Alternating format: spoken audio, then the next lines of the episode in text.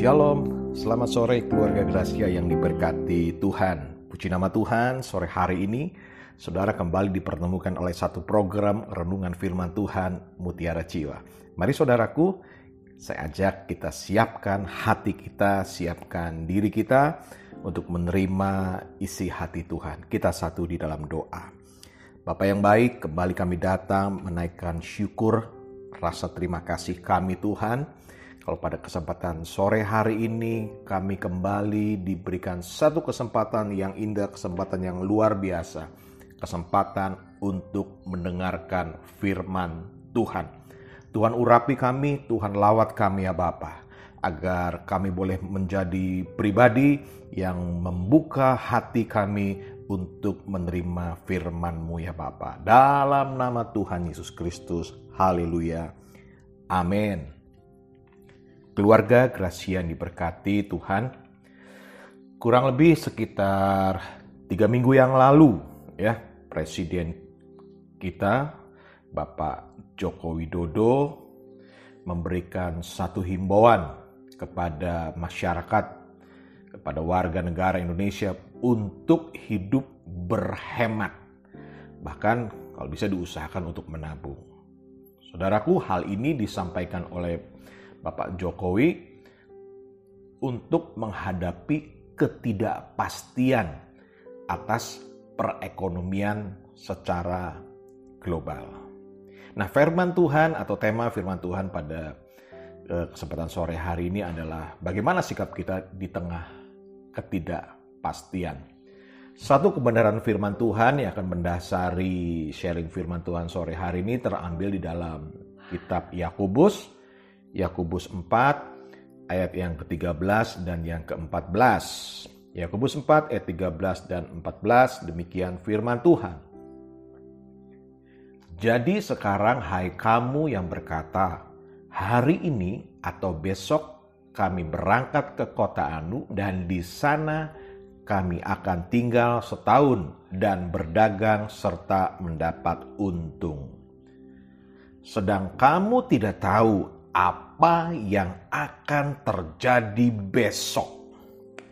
Apakah arti hidupmu? Hidupmu itu sama seperti uap yang sebentar saja kelihatan lalu lenyap. Saudaraku, keluarga Gracia ini berkati Tuhan. Berbicara mengenai ketidakpastian, ketidakpastian menyangkut berbagai aspek. Bisa ketidakpastian di dalam hal kesehatan, Nah, kita sudah lewati itu di dalam masa pandemi adalah masa di mana adanya ketidakpastian, ya. Masalah ketidakpastian di dalam ekonomi, ketidakpastian dalam bisnis, pendidikan, sosial, dan bahkan sampai kepada keamanan. Nah, satu contoh kecil bulan ini saja, atau bulan lalu, saudara maksud saya. Bulan lalu adalah bulan Mei, ya. Umumnya bulan Mei itu adalah memasuki musim panas tapi ternyata bulan Mei tidak mesti musim panas, tidak pasti musim panas. Buktinya Mei yang lalu kita masih banyak mengalami curah hujan yang cukup deras bahkan beberapa saat uh, sampai di apa ada petir juga sebenarnya kasih Tuhan ya disertai dengan petir dan hujan yang begitu deras. Ya bulan Mei yang seharusnya kalau kita ingat-ingat ingat-ingat ya biasanya sudah masuk mulai uh, musim uh, panas sore kasih Tuhan. Tetapi Mei tidak pasti. Nah sore kasih Tuhan ini ada satu contoh kecil bahwa di dalam hidup ini banyak ketidakpastian. Saudaraku keluarga Gracia yang diberkati Tuhan. Manusia pada dasarnya tidak menyukai hal-hal yang tidak bisa diprediksi dan tidak pasti. Nah saudara bagaimana? Saudara senang nggak kalau saudara menemukan sesuatu yang nggak pasti? Ya, nah tentunya kita ingin sesuatu yang pasti. Nah, saudaraku karena ketidakpastian itu bisa mendatangkan kecemasan. Ya, ketidakpastian itu bisa membuat kita nggak berdaya. Ketidakpastian bisa saja mendatangkan ketakutan. Ketidakpastian bisa mendatangkan rasa khawatir. Orang yang sedang bergumul dengan masalah sakit penyakit butuh kepastian kapan penyakitnya sembuh. Nah mungkin ada di antara saudara yang mendengarkan kebenaran firman Tuhan pada sore hari ini sedang bergumul di dalam sakit penyakit. Nah mungkin saudara perlu, kapan sih saya sembuh? Kapan sih saya bisa terbebas uh, dari sakit penyakit? Udah lama nggak sembuh-sembuh. Nah intinya kita perlu kepastian. Kemudian orang yang sedang bergumul dengan masalah keuangan, butuh juga kepastian. Kalau ada di antara saudara hari ini, sekali lagi ada yang sedang bergumul di dalam masalah keuangan, saudara pasti membutuhkan satu kepastian kapan saudara bisa terbebas dari masalah keuangan. Dan kepastian-kepastian lain kita butuhkan di dalam kehidupan ini. Saudaraku, di tengah keadaan dunia yang tidak pasti, apa yang harus kita lakukan? Nah ini yang akan kita pelajari pada kesempatan sore hari ini. Baik, saya ulangi di tengah keadaan dunia yang tidak pasti, apa yang harus kita lakukan? Amsal 3 ayat 5 sampai dengan 6 ini ada sebuah nasihat yang luar biasa. Mari kita simak dan perhatikan bersama-sama. Demikian firman Tuhan. Percayalah kepada Tuhan dengan segenap hatimu dan janganlah bersandar kepada pengertianmu sendiri. Akuilah dia dalam segala lakumu maka ia akan meluruskan jalanmu. Wah, katakan amin, saudara kasih Tuhan. Ya, saudaraku, keluarga Gracia yang diberkati Tuhan. Dalam ayat ini, dalam ayat yang tadi kita sudah sama-sama dengerin, ada atau mengandung dua nasihat dan satu peringatan dan kemudian satu janji. Apakah nasihat itu, apakah peringatan itu, dan apakah janji itu? Yuk, kita lihat berikutnya. Ada dua nasihat. Nasihat yang pertama dikatakan percayalah kepada Tuhan. Sampai di sini saya sangat yakin. Saudara pasti percaya Tuhan satu pertanyaan yang bodoh kalau saya bilang, saudara percaya Tuhan nggak? Eh, ya sudah pasti, mungkin sudah pasti. Saya percaya Tuhan. Tetapi saudara kasih Tuhan, sekali lagi saya yakin saudara bukan orang yang nggak percaya sama Tuhan. Ya, saudara pasti orang percaya Tuhan. Namun yang dimaksudkan dengan ayat ini lebih dari sekedar percaya. Uh, saya mengistilahkannya dengan mempercayakan kepada Tuhan. Saudaraku, saya mengingat uh, satu ilustrasi khotbah yang cukup lama. Ya, ilustrasi ini cukup lama kita dengar, saya dengar maksud saya. Uh, mungkin di antara saudara pernah mendengar ilustrasi ini ya. Konon ilustrasi ini diambil dari satu kisah nyata. Ya, saudara ingat kan uh, satu ilustrasi tentang seorang pemain akrobat yang berjalan di atas utas tali melewati derasnya air terjun Niagara. Ingat ya? Nah, mungkin banyak yang dengar ini karena waktu ilustrasi disampaikan sering kali pengkhotbah-pengkhotbah menyampaikan ini. Nah, saudaraku, pemain akrobat tersebut berhasil melakukan menyeberangi dari satu sisi ke sisi yang lain, ya. Satu air terjun yang sangat terkenal sekali, ya. Nah, pemain akrobat tersebut berhasil melakukannya dan kemudian ketika dia sudah berhasil melewati ke sisi yang uh, lainnya, dia coba balik lagi saudaraku. ya Dia coba balik lagi melakukan hal tersebut. Dan dia di, ketika uh, apa atraksi itu dilakukan banyak orang menyaksikannya. Dan ketika dia ingin balik lagi, dia kemudian bertanya kepada ribuan orang yang ada saat itu menyaksikannya. Ya. Dia bertanya, "Apakah kalian percaya saya dapat melakukannya lagi?" Artinya menyeberang lagi. Dan semua penonton menjawab percaya, percaya. Ya tentunya karena dia sudah melihat uh, orang akrobat itu sudah uh, melakukannya. Nah semua orang berjawab percaya. Dan memang terbukti dia berhasil melakukannya sekali lagi. Nah Berikutnya dia mengajak penonton untuk ikut bersamanya berjalan di atas tali tersebut. Ingat, waktu itu dia sendirian, bolak-balik. Sekarang dia mengajak eh, penonton-penonton tersebut, ayo siapa yang mau ikut? Bareng, nyebrang bareng gitu sama dia. Berjalan di atas tali ya. Dan Ingat ya saudara, kisah selanjutnya. Tidak ada seorang pun yang mau ikut dengannya. Nah sampai akhirnya di dalam ilustrasi itu dikatakan ada seorang anak kecil yang menyambut penawaran tersebut.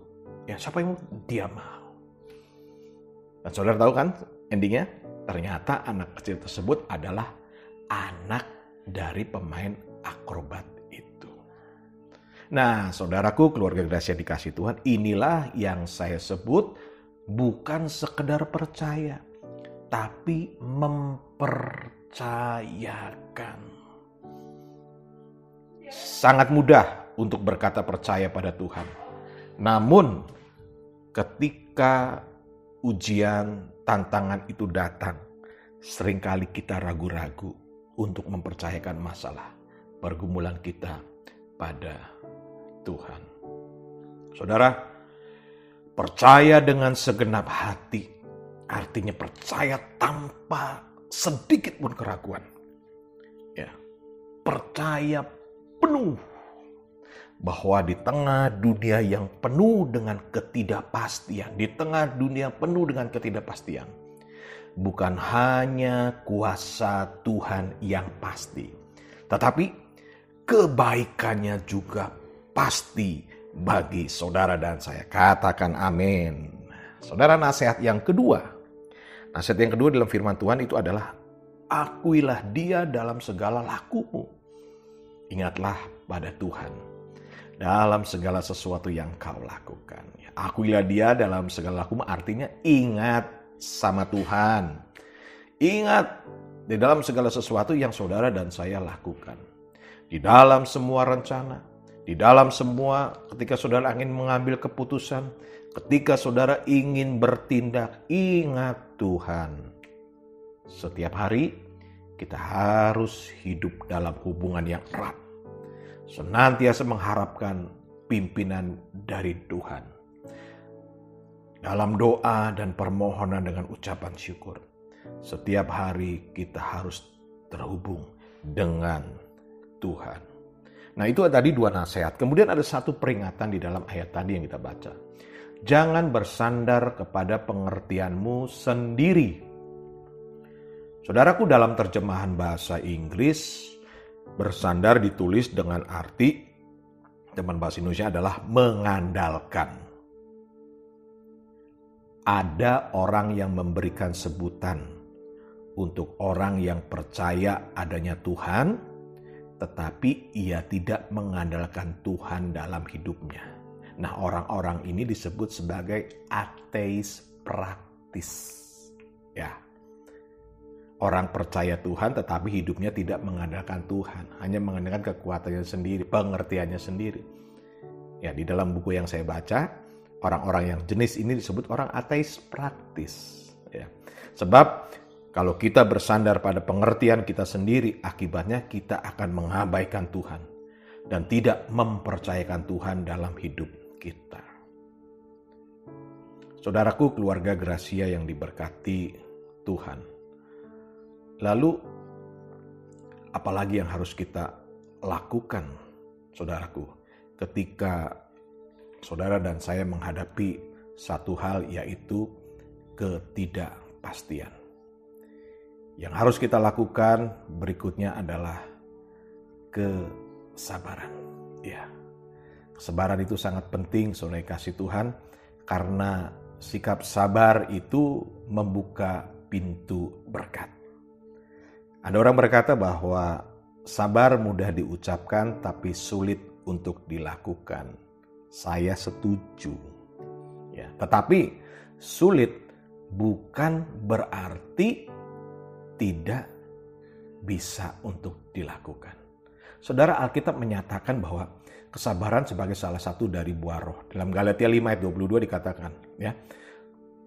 Kemudian di dalam 1 Korintus 13 ayat 4 juga bahwa dikatakan kasih itu sabar, kasih itu murah hati, ia tidak cemburu, ia tidak menenggang diri. Artinya bagian daripada kasih. Kesabaran merupakan perwujudan iman kita. Dan mengapa sabar itu perlu?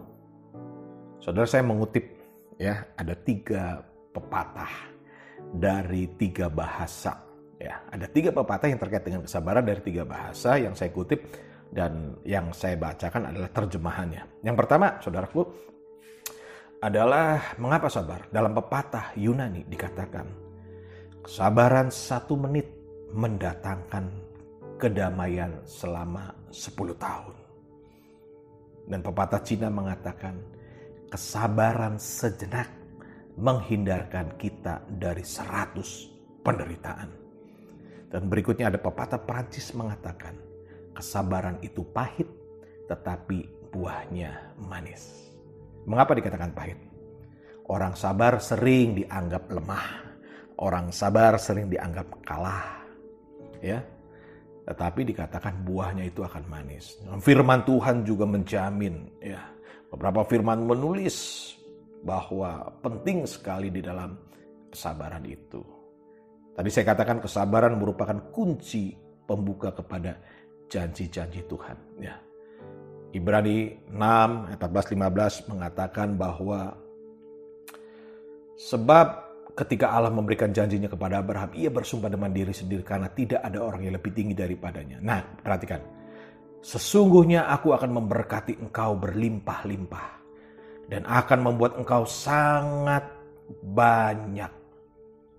Lalu apa yang, dilak yang dilakukan oleh Abraham ketika firman Tuhan itu disampaikan kepadanya tentang janji Tuhan kepada Abraham? Ibrani 6 ayat 15 mencatat Abraham menanti dengan sabar.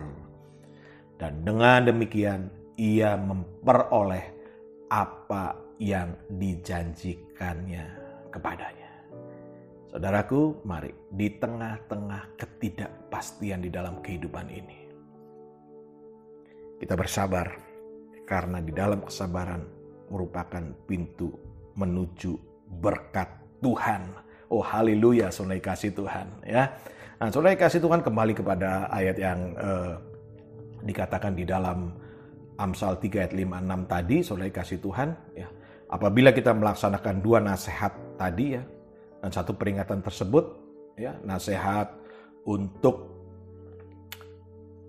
di dalam firman Tuhan tadi mengatakan percaya dengan segenap hati, jangan bersandar ya. Kemudian kita melaksanakan peringatannya bahwa uh, jangan bersandar pada pengertian sendiri, akuilah dia dalam segala lakumu, maka akan janji yang akan kita peroleh itu adalah luar biasa.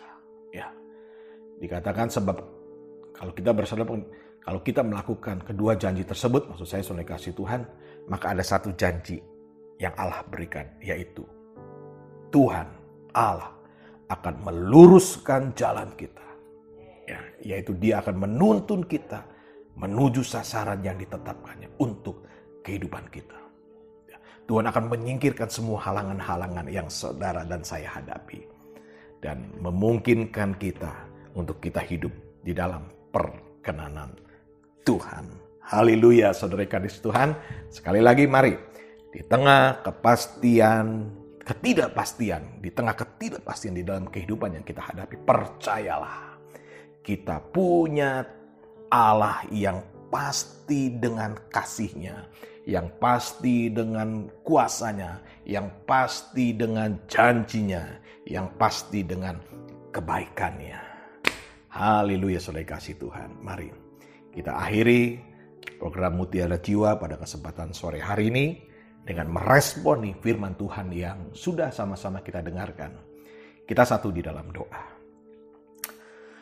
Tuhan kami bangga punya Allah eng, seperti Engkau Tuhan. Allah yang berkuasa, Allah yang berdaulat, Allah yang selalu dan pasti memenuhi setiap janji-janjinya. Nah, bagian kami Tuhan, Engkau sudah menasehatkan kepada kami semua melalui pemberitaan firman Tuhan. Di tengah ketidakpastian, mampukan kami untuk kami tetap percaya penuh, mempercayakan sepenuhnya hidup kami kepada Tuhan. Apa pun pergumulan, persoalan yang kami hadapi. Mampukan kami ya Bapak untuk tetap teguh, percaya mempercayakan kami kepada Engkau ya Bapak. Dan biarlah kami tidak bersandar kepada pengertian-pengertian kami sendiri. Tidak mengandalkan kekuatan kami sendiri. Dan kami selalu mengakui Engkau di dalam segala tindakan, perbuatan. Dan kami percaya janjimu akan digenapi dalam kehidupan kami. Engkau akan meluruskan jalan kehidupan kami ya Bapak. Terima kasih Tuhan. Tuhan memberkati setiap hambamu. Kau memberkati setiap para pendengar. Hamba-hamba Tuhan yang terlibat di dalam radio ini ya Bapak. Dan kami percaya radio ini akan terus engkau pakai untuk menjadi berkat. Tuhan memberkati segenap pengurus yang terlibat di dalam radio suara kerasia ini ya Bapak. Terima kasih Tuhan, kan kami terima berkatmu ya Bapak. Haleluya. Amin. Demikian saudaraku, keluarga kerasia yang dikasih Tuhan. Dan biarlah kita diberikan kesempatan tidak hanya menjadi pendengar firman saja, tapi oleh kekuatan dan pertolongan Roh Kudus, kita diberikan kemampuan untuk menjadi pelaku-pelaku firman Tuhan. Puji nama Tuhan, Tuhan memberkati.